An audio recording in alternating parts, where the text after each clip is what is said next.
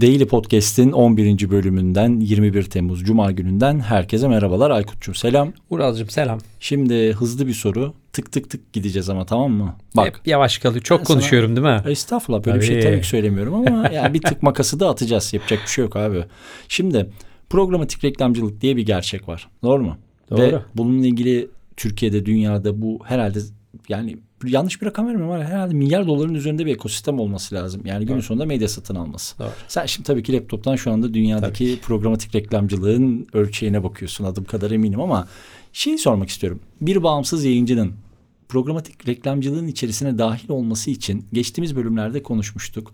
Ama minicik böyle hani yeni yapıyorum yayınımı 3000 dinleniyorum ayda 2000 dinleniyorum abi ne yapmam gerekiyor dediği noktada ne yapması gerekiyor ihtiyar Aykut yaşlı kurt.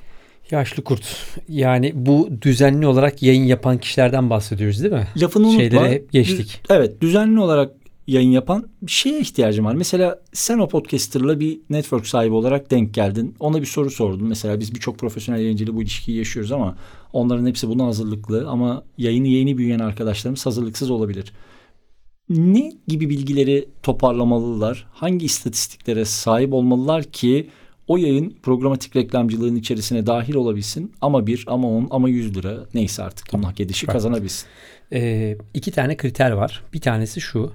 Ee, dünyada bugün Türkiye dışında podcast ekosistemin içerisinde bir podcast'in programatik reklama girebilmesi için episod başına son yayınladığı episodun 30 gün içerisinde 5000 download'un e, e, ve onun üzerinde oluyor olması lazım. Yani minimum 5000 download getiriyor olması lazım. Fakat e, son zamanlarda programatik reklamcılık hızla artmaya başladıkça bazı networkler bu rakamları geriye çekmeye başladı.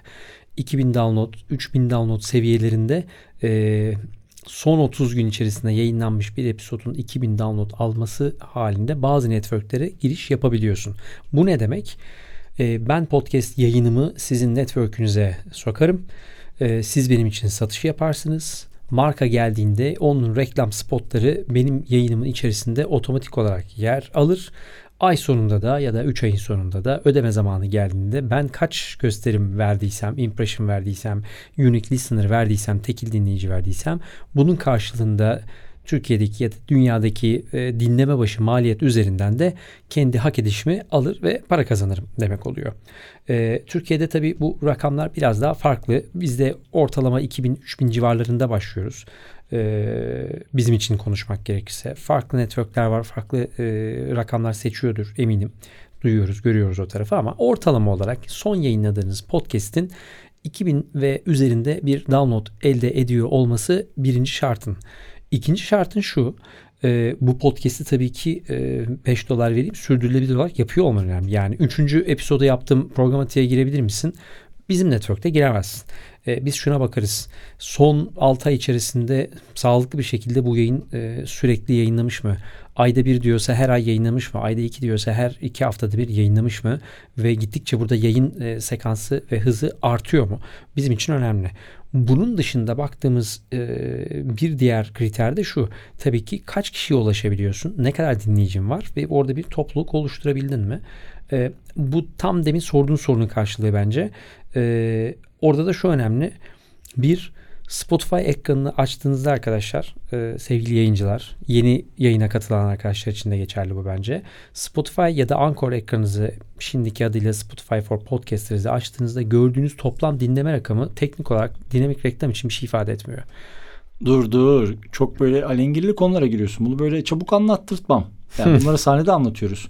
Ama bana böyle abi şey bullet point ya. Tamam. Benim için şu önemli. Son 30 günde elde ettiğin download rakamına bakarım ve Yani hatta Yayının- şöyle yapalım. Aykut Bey merhabalar. Ben bir podcaster'ım ve yayınımdan para kazanmak istiyorum. çok güzel. Benden ne öğrenmek istiyorsunuz? Son episodunuzu ne zaman yayınladınız? İki ay önce. İki ay önce yayınladınız. Hangi sıklıkla yayın yapıyorsunuz? Kafama estikçe. Teşekkür ediyorum. Tanışma memnun oldum. Aa öyle mi? Düzenli mi yapmak zorundayım? evet düzenli yayın yapıyor Neden? olmanız gerekiyor.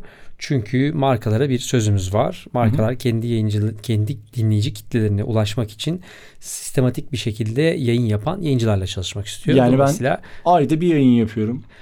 Her ayda ayda bir yayın yapıyorsunuz ve son 12 ay boyunca son bir sene boyunca her ay o yayını yapabildiyseniz kesintisiz olarak ek, okey buna bakabiliriz. Ama ayda bir yayın yapıyorum deyip de her iki ayda bir bir tane yayın atlıyorsanız e, burada tabii o yayına girme şansımız olmayacaktır. Niye güldüğünü biliyorum. bir ara Kendimiz. bunu ama biz dinamik reklam koymuyoruz. Dolayısıyla buradaki sürdürülebilirlik önemli. İkinci noktada şu. Bu yayının bulunduğu içerik dikeyi hangi dikey? Satılabilir bir yayın mı? Yani burada gittikçe daha teknikleşeceğiz tabii ki. Ama ilk tanıştığım bir yayıncıyı network'e koyup koyamayacağım ilk kriteri yayın sağlıklı bir şekilde sürdürülebilir bir şekilde yapılabiliyor mu? Yayının bir dinleyici kitlesi var mı? Ve bu kitle her 30 günde bir o rakamı sağlıklı bir şekilde tutuyor mu? Süper. Deminki soruya tabii atıf aslında bu. Süper. Yani son 3 sene içerisinde 400 bölüm yapmış olabilirsin ama e, son 6 aydır hiç bölüm yapmıyorsan geçtiğin dinleyici sayısı benim için çok da önemli değil açıkçası. Yeni ulaşabileceğimiz yeni dinleyicilerin sayısı bizim için önemli. Dolayısıyla marka için de aynı şekilde. Süper. Abi teşekkür ediyorum. Bence gayet açıklayıcıydı. Kısa tuttuk biliyorum ama ilerleyen dönemde buna yine dönüyor dönüyor Tabii ve ki. bakıyor oluruz. Tabii Çünkü bu e, dinlenme rakamlarının arttığı bir ekosistemde bence yayıncıların oldukça merak ettiği bir konu. E, dolayısıyla bu konuya ara ara dönüş yapacağız. Teşekkür ediyorum. Herkese Görüşmek iyi üzere. hafta sonları.